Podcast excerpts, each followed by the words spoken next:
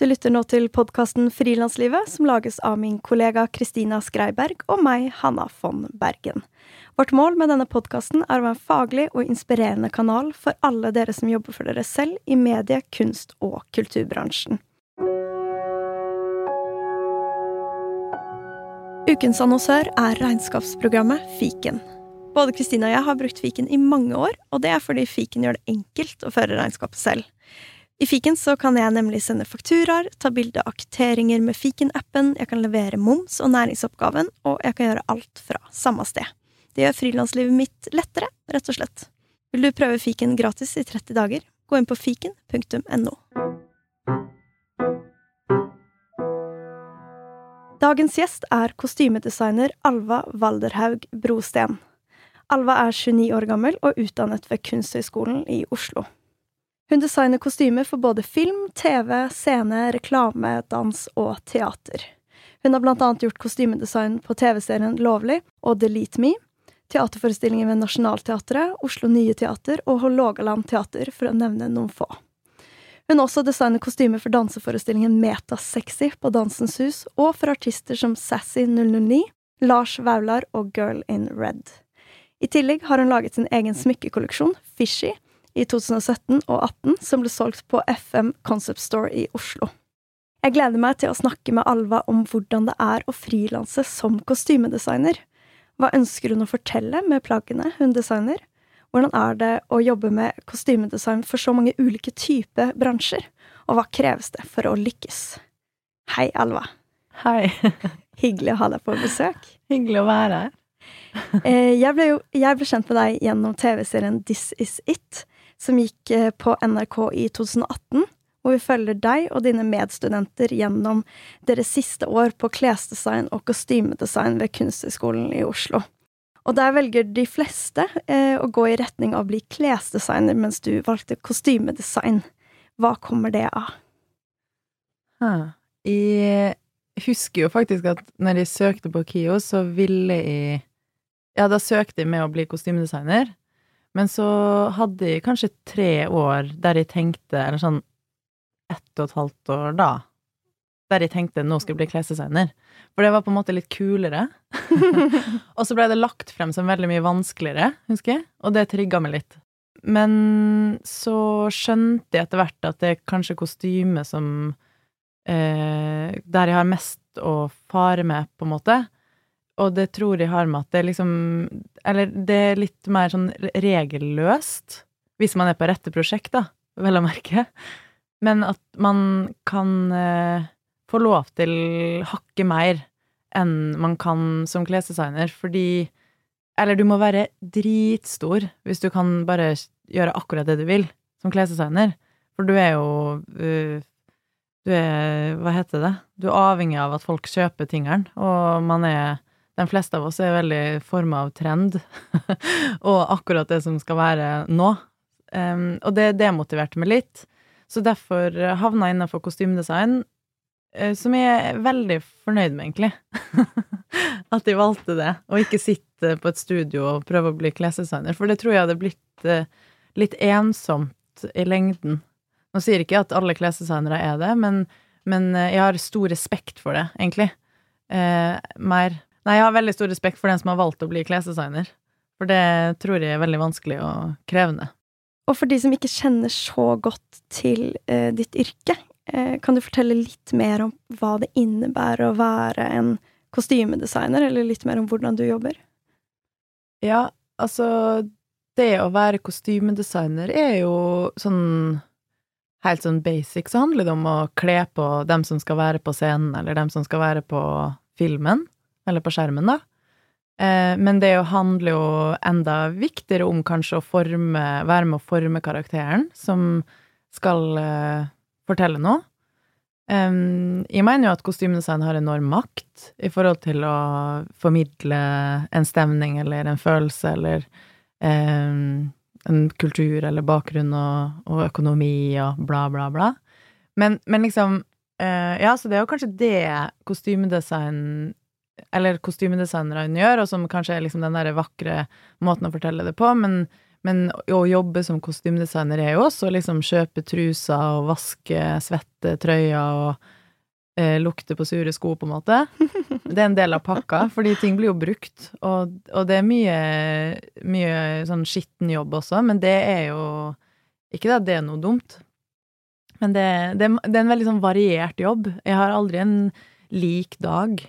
Eh, ene dagen er jeg liksom på kveldsprøve på teatret, og så dagen etter er jeg på et, en, et møte om en reklame, som kan fort også kanskje være litt sånn kjedelig kostymedesign, men men også de best betalte jobbene. Jeg føler at ofte er det sånn. Ja, det er jo sånn. Det er jo der det er penger. Det kan vi være ærlige om.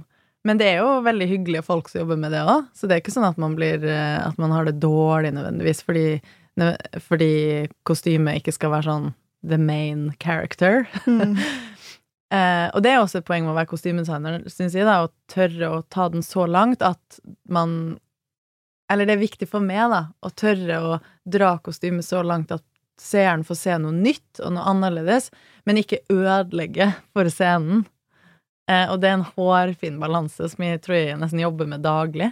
For jeg er veldig glad i sånne uttrykk som er kanskje litt sånn rare, eller pushe det bitte litt. Når er det du har det som mest moro eh, med et oppdrag? Oi, det er vanskelig jeg tror det er når liksom andre sånn Åh. Eller sånn når jeg har tatt på noe som, som jeg liksom kanskje også raskt kan være liksom flau over at jeg har valgt. Eh, at man liksom er sånn herregud, skal jeg Gjorde det, på en måte? Eh, men så er det andre som får den der sånn Oi, det her, det her er veldig gøy å se på. Eh, og man ler kanskje ikke nødvendigvis fordi det er morsomt, men bare fordi det er overraskende. Det da har jeg det veldig bra med jobben. For det er jo visuell, det er en visuell jobb til syvende og sist. Og det at folk får den der sånn oh, det her var friskt, eller sånn Ja, da tror jeg automatisk også man husker det man har sett bedre, da. Fordi jeg føler også sånn derre at det er en sånn ting at kostymet skal liksom være sånn usynlig, og at det skal liksom ikke merke at det er der, og sånn. Og selvfølgelig, på en måte så skal det det, men, men jeg er liksom sånn, Jeg mener at hvorfor ikke, på en måte. Altså at minnet kan jo være med på Eller kostymet kan jo være med på å ha et bra minne. At man husker en scene, eller husker en situasjon, eller et teaterstykke. Mm. Det blir jo litt på samme måte som musikken eller scenografien. Ja. At mm. hvis alt bare hadde vært sånn eh, nøytralt bakteppe, så hadde det blitt veldig kjedelig. Ja. Det er jo med å fortelle historien på akkurat samme måte. Mm, absolutt. Hva syns du kan være det mest utfordrende eh, med på en måte prosessen, å finne fram til riktige kostymer og, og, gjennomføre det og ja, få det helt til å funke? Mm, jeg syns kanskje det som er vanskeligst ofte i min prosess, er meg sjøl. Bare sånn fordi man stanger Man jobber jo ofte aleine, da. Eh, altså sånn som jeg sa, at kostyme er et gruppearbeid, men det er jo gjennom bare sånn forskjellige møter, og at man jobber sammen med noen på sett og på teater og sånn. Men men man sitter jo ofte og spinner i sitt eget hode. Og det syns jeg ofte kan være en utfordring, å stole på sin egen magefølelse på at det her kan bli bra, da. Eh, for det er jo Det kan man jo innrømme at uh, skal Eller er veldig vanskelig noen ganger. Å være sånn Det er det her jeg har mest lyst til, men det kan hende det blir skikkelig teit eller dårlig. og, så, og så sitter man i bilen og liksom bare grubler og grubler og grubler over det. Men, eh, men eh, det Ja, så det syns jeg ofte kan være vanskelig. Og også det å stole på når andre sier at det er bra, det syns jeg også er litt sånn skummelt, fordi ja, jeg har en tendens til å tenke sånn De syns egentlig ikke at det er bra. Men det tror jeg Ja, jeg vet ikke. Er du litt selvkritisk i ditt arbeid? Ja, jeg er veldig selvkritisk. Det, må, det skal jeg si. Mm. Mm. Men kanskje ikke sånn utad. Men inni meg så er jeg ganske selvkritisk og kan være ganske sånn stille grublende og ligge mm. våken og være sånn herregud, hvordan skal jeg løse det her? Men det har jeg brukt, begynt å snu, på en måte. At man får sånn total sånn hjertebankangst en kveld etter jobb, og så gråter man en tåre, og så dagen etter så er det sånn let's go! Nå, nå må man bare høre på noe rapp i bilen, og så kjøre til jobb. Og så Det er jo bare jeg som må fikse det, på en måte. Og da Det løses jo alltid. Og, og så bruker jeg å tenke sånn til syvende og sist så er det her en jobb. Jeg føler sånn filmbransjen og, og teaterbransjen også kan raskt at man tenker litt sånn at det er en sånn unntakstilstand. Eh, og det har jeg begynt å tenke at det ikke er. Ja, det tror jeg er lurt. ja. For å liksom bare tenke sånn nå, nå skal du hjem og lage middag, og det går bra, på en Mm. Det tror jeg veldig mange kjenner seg også igjen i, den der å være litt alene i prosessen. Og spesielt hvis man vil dra det litt langt, kanskje, som du gjør i visse kostymer, og eh, vil ta ut svingene litt. Så, mm, så kan det være vanskelig bare å stole på sin egen magefølelse. Ja. Har du noe triks eller noe du pleier å gjøre som hjelper? Ehm, nei, hva er det jeg gjør, da? Det er veldig vanskelig å svare på, egentlig, for jeg veit at jeg har noen triks, men det er jo kanskje det å bare liksom prøve å snu den der selvkritiske Jeg har liksom lyst til å være, eh, være litt forsiktig med å bruke sånn angst, men det er på en måte sånn mild Jeg har jo Det finnes jo alvorlig angst, på en måte, uten å bruke den tittelen, men liksom sånn der den, Å bruke den der svette hjertebanken, da, som kommer når man får skikkelig sånn stressbølge. Eh, og det skjer jo i hvert eneste prosjekt. Men å, å, å tenke sånn, ok Jo, det gjorde jeg faktisk her om dagen, for det fikk jeg, da. Så var jeg sånn, ok, hvor lenge er det til opptak nå? Ok, nå er det fem uker. Det er egentlig veldig bra timing å få den hjertebanken. For det betyr at jeg har fem uker etter jeg har fått den gode bølgen. som alltid kommer etter hjertebanken. At man blir liksom god på å snu de derre Og lære seg sånn Det her er ubehagelig, men hva bruker jeg å gjøre for at det blir sykt bra? Mm. Ja, og så har jeg også en, en eh, tanke om at hvis man gjør noe hver eneste dag, så skal man ikke ha dårlig tid. Og så er det jo ikke alltid det stemmer, men, eh, men, men det må jo stemme, på en måte. Ja, det blir i hvert fall sånn, vanskelig å gjøre noe ja. med det. Det hjelper Jeg syns Ja. også hvis det hoper seg opp, den der følelsen, så kan det hjelpe å bare sette seg ned og få gjort noe. Ja, Så kjenner man liksom at man hakker bort en liten bit av den store, det store fjellet, da, ja, det som det. man har foran seg. Ja, sånn som i dag, så var jeg liksom på, ute på Jar, som er der norsk filmkostyme ligger. Der jeg har eh, sånn kostymelager nå, og der um, har jeg gått nå i flere uker og tenkt sånn herregud, vi har jo ingenting, vi har ingenting på plass. Men så sto jeg der så var jeg sånn, ja, men nå har jeg faktisk ganske masse. Fordi det er jo det der at man gjør litt og litt hver eneste dag, og tenker på hvert, hvert eneste plagg, liksom. Og så plutselig så har man jo en helt sånn kostymebank, og masse sko, og masse forskjellige planer for de forskjellige karakterene. Og det kjente jeg for første gang i dag, for eksempel, at huh, nå er det noe som har skjedd de siste ukene allikevel. Selv om man har gått rundt og vært sånn wow, hva skjer nå? ja. Deilig. Åh, Mm. elsker den følelsen når det løsner, og man Ja. får litt ro. Indre ro. ja, det er bra.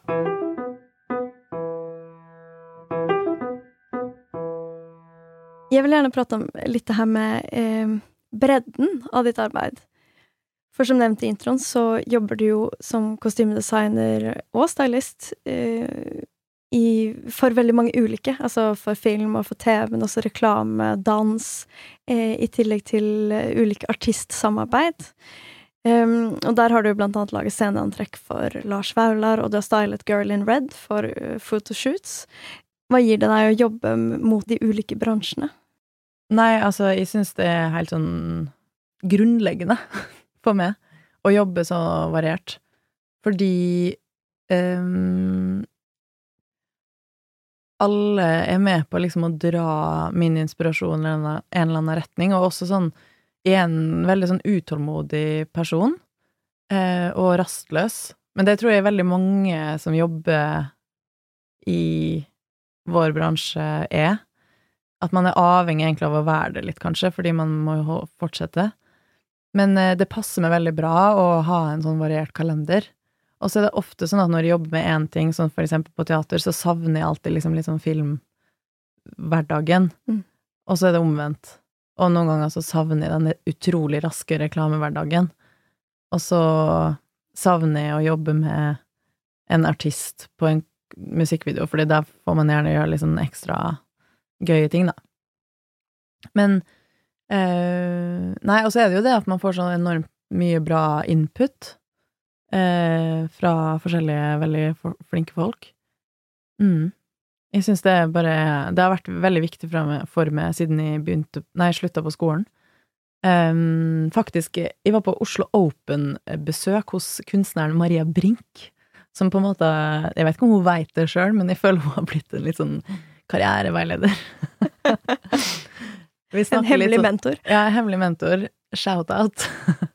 men hun uh, er uh, Hun liksom er tekstilkunstner, og jeg husker hun sa til meg Ja, og kostymedesigner. Det var jo det som var poenget. Eh, og hun sa til meg sånn Du må aldri velge. Hvorfor skal du det, på en måte? Og for meg, da, av å være på skolen og være sånn veldig sånn Nå skal jeg kun bli kostymedesigner, eller kun bli klesdesigner, og jeg følte alle i klassen min var veldig opptatt av det, og gir seg sjøl sånn én disiplin innafor klær. Eh, og det er jo veldig synd, fordi det gir jo liksom ikke så mange jobber eller så mange oppdrag. Så det å liksom trene seg på å bli en veldig sånn fleksibel designer tror jeg er veldig viktig, i hvert fall i sånn lite land som Norge. Um, ja, så det syns jeg var veldig motiverende, å liksom ikke være sånn sjenert på å tørre å si ja til ting, da. Og jeg har jo absolutt tatt på meg ting som jeg kanskje ikke har hatt helt nok erfaring til og sånn, men, men uh, jeg tror det har gått bra, og så Og så ja, så kan man fortsette, liksom, å gjøre nye ting. Mm.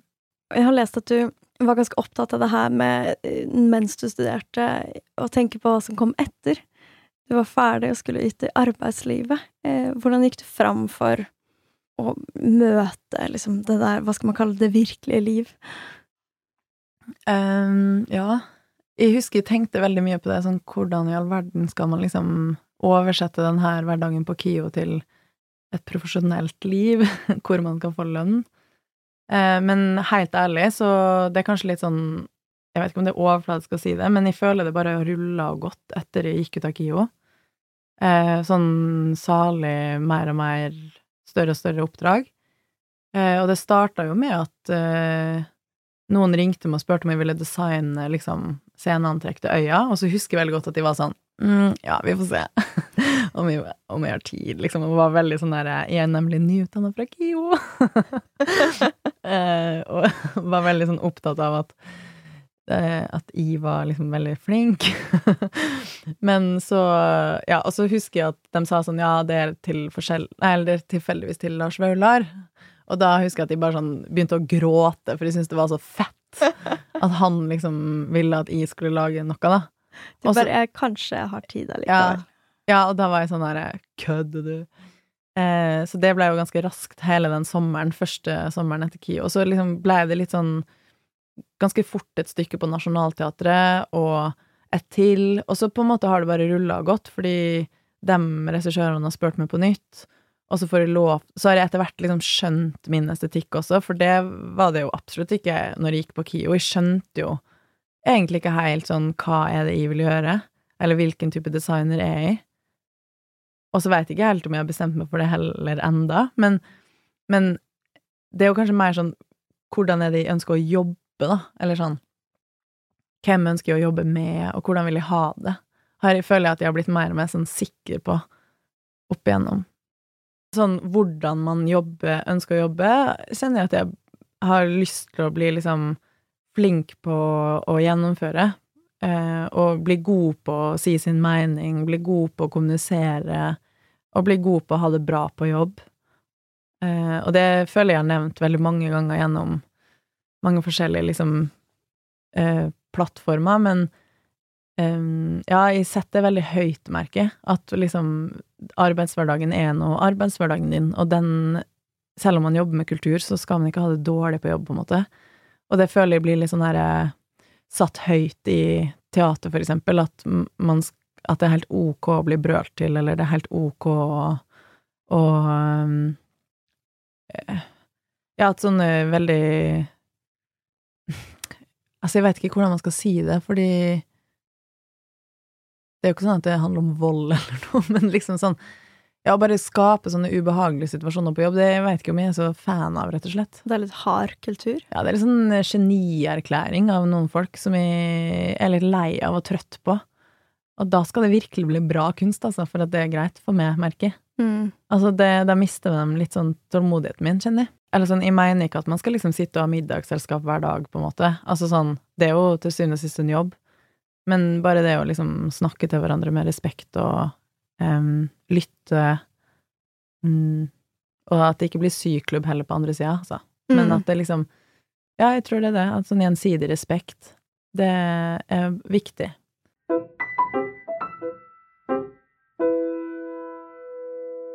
Hvordan ser prosessen din ut? Nei, altså, prosessen min er jo da eh, Jeg får eh, en jobb. Jeg er veldig, det vil jeg tenkte å si, faktisk. Jeg er veldig opptatt av å få den kontrakten signert. Bra. Eh, og blir ganske sint, egentlig, når det ikke kommer fra arbeidsgiver. eh, så det har jeg begynt å bli ganske sånn flink på, føler jeg, å mase på og være sånn hallo, hallo, kan jeg få en kontrakt? Og må begynne å forhandle den. Eh, nei, og så leser man jo manus, og så prøver jeg liksom å forholde det ganske sånn atskilt, at regi er kunstnerisk, og så er alt av sånn stress og, og tidsfrist og sånn holder i liksom mot produksjon. For da føler jeg at det blir en mye gøyere prosess med regi. Eh, eller produksjonsdesigner og sånn.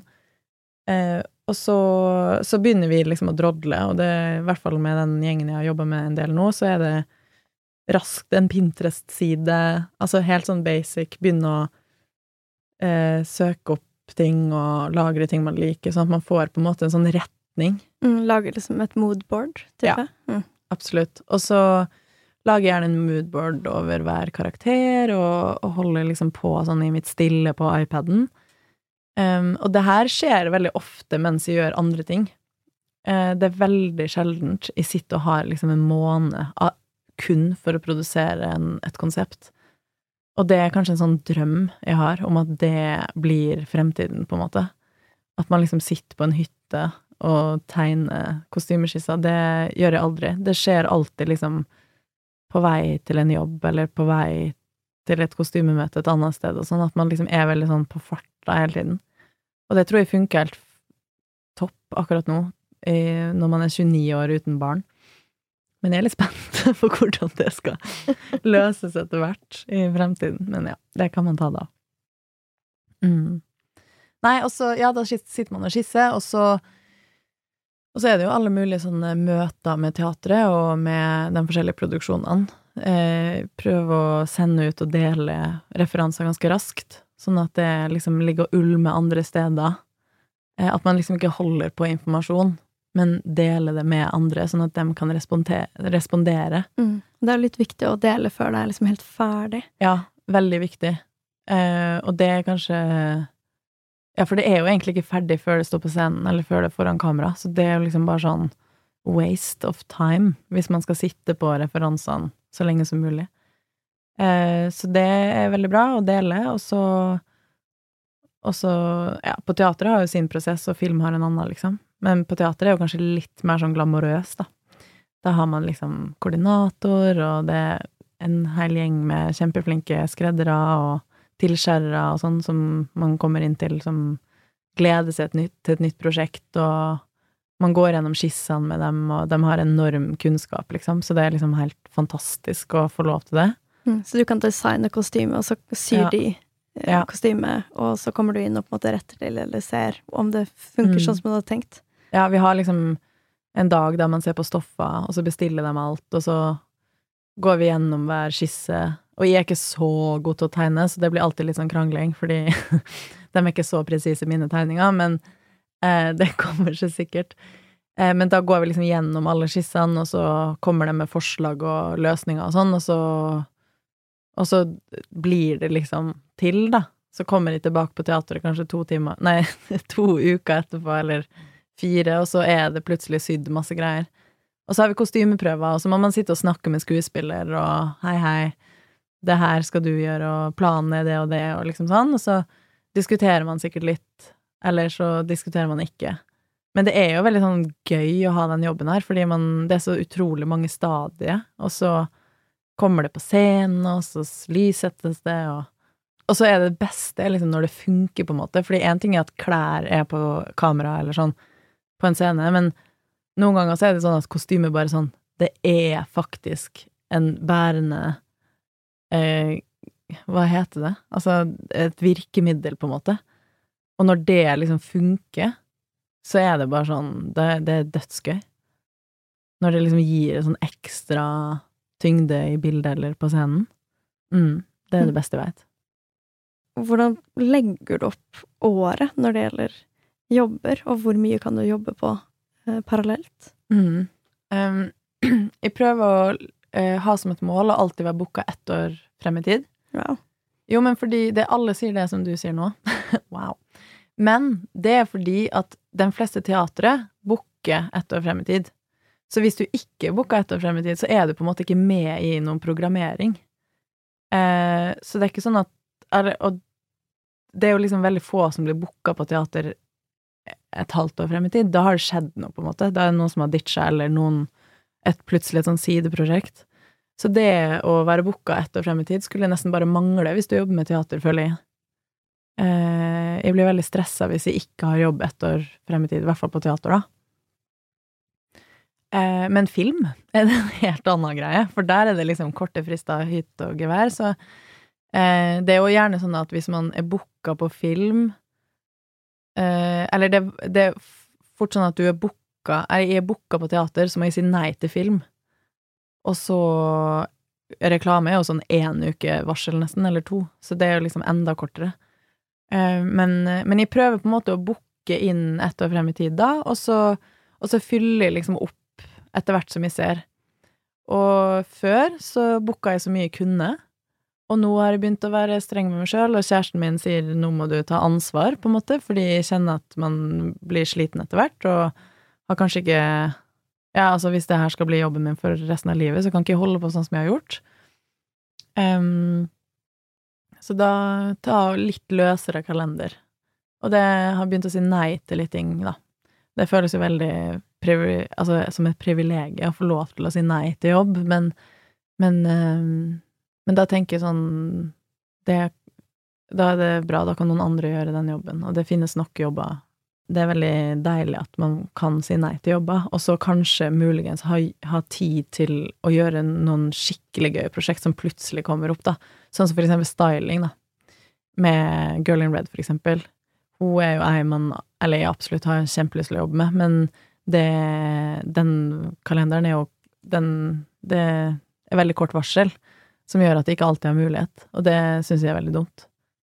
Så da Så jeg prøver liksom å booke litt ned for å ha, ha, en litt sånn mer fleksibel kalender i fremtiden, og sier ja til bare det som er sånn 100% fett. Eller eh, noe som jeg ser sånn Det her kan jeg gjøre en bra jobb på, og ikke bare som er sånn brødmat, på en måte. Nei, brødjobb. um, du vil ha pålegg òg? Ja, jeg vil ha pålegg og, og agurk. Nei, men uh, at man liksom før så har jeg sagt ja til jobb fordi det er bare jobb. Men så er det, jeg mener at hvis man ikke er motivert på jobben, så blir det ikke nødvendigvis så bra, og det nedprioriteres. At man booker inn en kulere jobb på toppen av det, og så er det egentlig det man vil gjøre, men så gjør du den bare fordi du skal ha lønn, liksom. Eh, og det er på en måte egentlig ikke noe sympatisk for verken den som har gitt det jobben, eller, dem, eller det sjøl, da. Eh, og jeg merker at de jobbene jeg digger, er dem jeg gjør best. Mm. Og det er jo sikkert sånn for alle, men, men det er jo egentlig veldig viktig, fordi det er jo noen som sier at du er den siste jobben du gjorde, på en måte. Så hvis den er dårlig, så er du fucked. Nei da. jeg tror også det er veldig naturlig um, gang i det å frilanse, at i starten så har man ikke helt lært seg sin egen rytme, og mm. forstår ikke helt sånn med penger, hvor mye man kan få betalt, og, eh, og er veldig redd for å gi slipp på muligheter også. Og mm. det er veldig naturlig å si ja til alt. Og så, jo eldre man blir, jo, eldre, jo lenger man har frilansa, jo mer eh, strammer man kanskje inn, også fordi den her balansen Man merker at den balansen i livet mm. mellom jobb og fritid, eh, den må også liksom vies litt eh, oppmerksomhet, da. Ja. Altså, jeg kjenner jeg har moden, blitt litt modna de siste årene på akkurat det.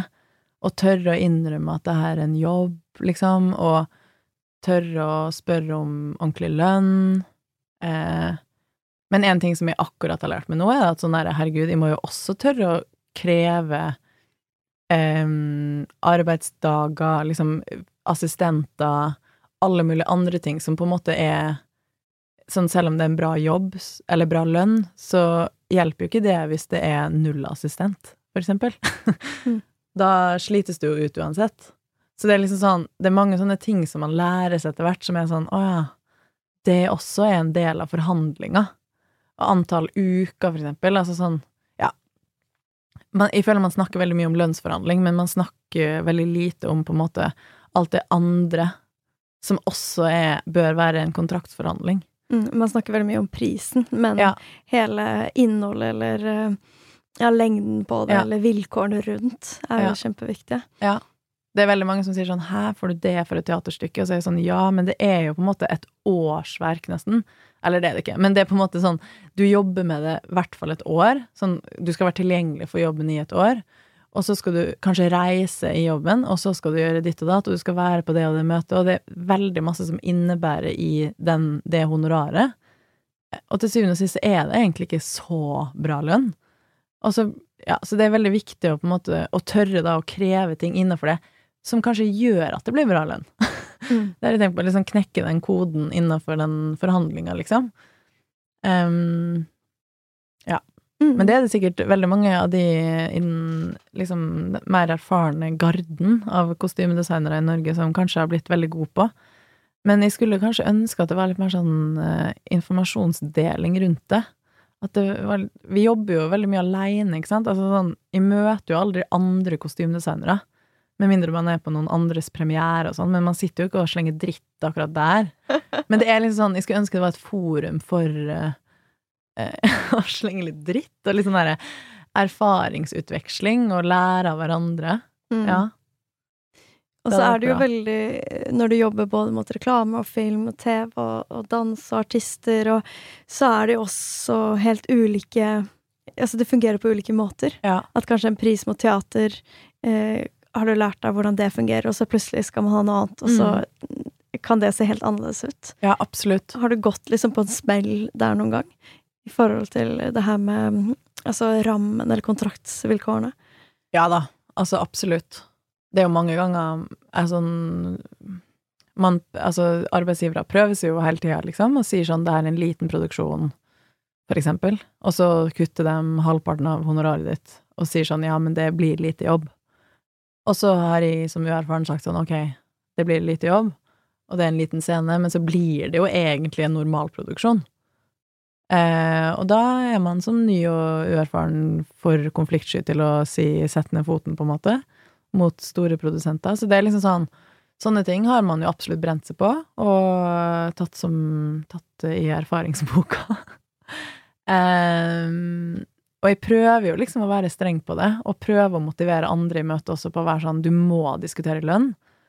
Alle andre gjør det, på en måte. Eller sånn i hvert fall Ok, jeg hater å snakke om sånn kjønn, men i hvert fall menn. Altså sånn Det er jo ingen hemmelighet at det er stor forskjell der, liksom. Så da har jeg også lyst til å være med på den uh, gevinsten med å tørre å diskutere lønn, og tørre å diskutere ja, sånne ting. Så det mm, Jeg prøver å snakke mye om lønn, da. Snakke mye om penger til folk.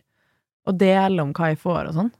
Eh, selv om jeg, man kan bli litt sånn flau over det, men det er Jeg har litt lyst til at det skal være litt mer sånn normalisert. Sånn, ja, hva får du for det? Og at ikke det blir en sånn personlig sånn derre Hæ, tar du så mye, på en måte? Mm. For det har jeg fått i reaksjonen noen ganger når jeg har sagt sånn ja, men jeg tar det til dagen. Så er jeg sånn hæ, hvorfor gjør du det? Som om at det ikke liksom er verdt det, på en måte. Og det synes jeg er så dårlig stil. Da bør man være sånn fett, hvordan fikk du det? Fordi man er jo liksom sånn egentlig ikke så store konkurrenter, på en måte. Man, ja, vi står jo sammen om å få bra lønn, alle sammen. Mm, jeg er helt enig. Ja, så det syns jeg er litt sånn eh, Ja, det er kanskje det jeg mente med den der erfaringsutvekslinga, og det er liksom å vite litt mer hva andre får og sånn. For er det i for eksempel da teater, er det ganske sånn satte honorarer, eller er det Ja. ganske åpent for at du kan forhandle din egen eh, Ja, finne din pris, da? Nei, altså hvis man er organisert i Norske Scenografer, da, som vi hører til, eh, med kostyme, som kostymedesigner, så eh, er teatrene eh, plikta til å følge SIK-avtalen. Og det er da en sånn tariffavtale som eh, er forhandla frem for oss. Eh, det jo, men det er jo på en måte det vi har krav på, da. Så kan man jo forhandle rundt det, hvis man tør. jeg gjør ikke det så mye, men eh, det er liksom eh, Det er veldig deilig at vi har det. Jeg vet at lysdesignere har ikke en sånn avtale, for eksempel, Mm. i teater. Så de står litt sånn på egne bein. Men lys i film, dem er jo alltid en sånn referansepost. Hvis man føler seg litt sånn urettferdig behandla, så sier man alltid sånn ja, men hva ville lyspersonen gjort? Eh, og da er man alltid sånn ok, greit, vi må ta den diskusjonen, eller vi må Nå er det lunsj. Fordi dem er liksom kjent for å ikke rikker på seg, da, på en måte. Og det er veldig bra. Bra, bra forbilder. Mm.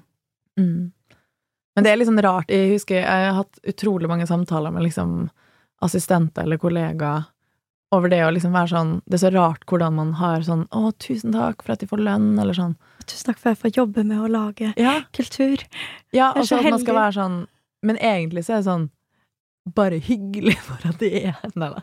Men at det er liksom sånn Det er veldig viktig å slutte å tenke på det som om at man er her liksom på dugnad. Eh, for det er et yrke. Du jobber hardt. Du bidrar, forhåpentligvis, liksom. Og det skal du få betalt for.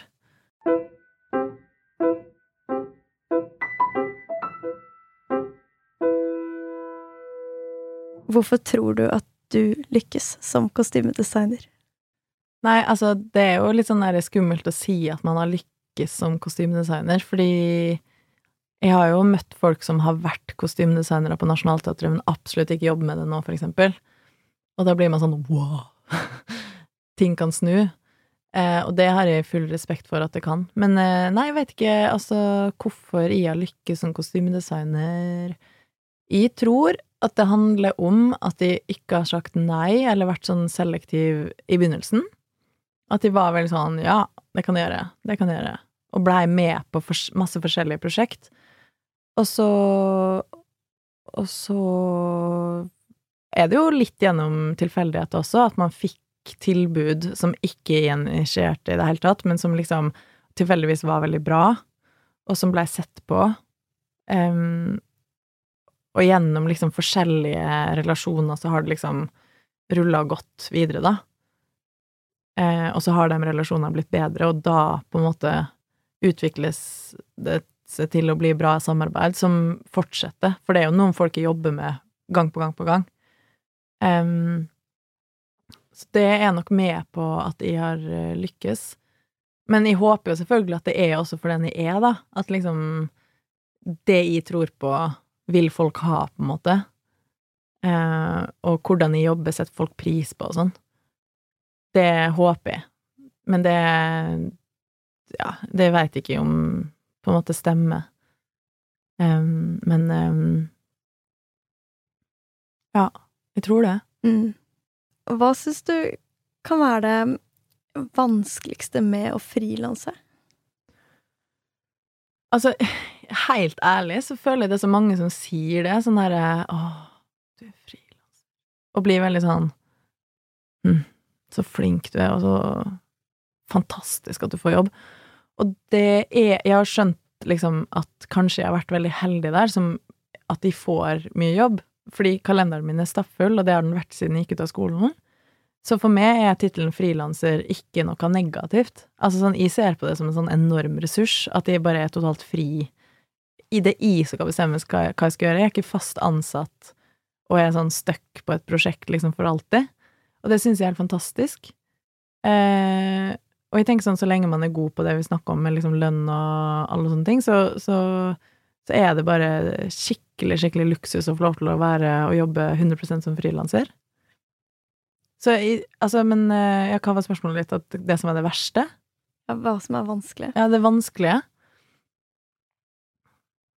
Altså, jeg tenker jo en del på liksom sånn Herregud, altså sånn Det er jo kanskje det som er forbannelsen nå, da, at man tenker på sånn Men vil det vare? Den på en måte gode bølgen man har fått være med på. Eh, og det er kanskje det jeg syns er vanskelig, at man gruer seg til det blir stille. Og så er det noen som sier at det blir det ikke, og så eh, sier jeg at det tror jeg at det blir, på en måte.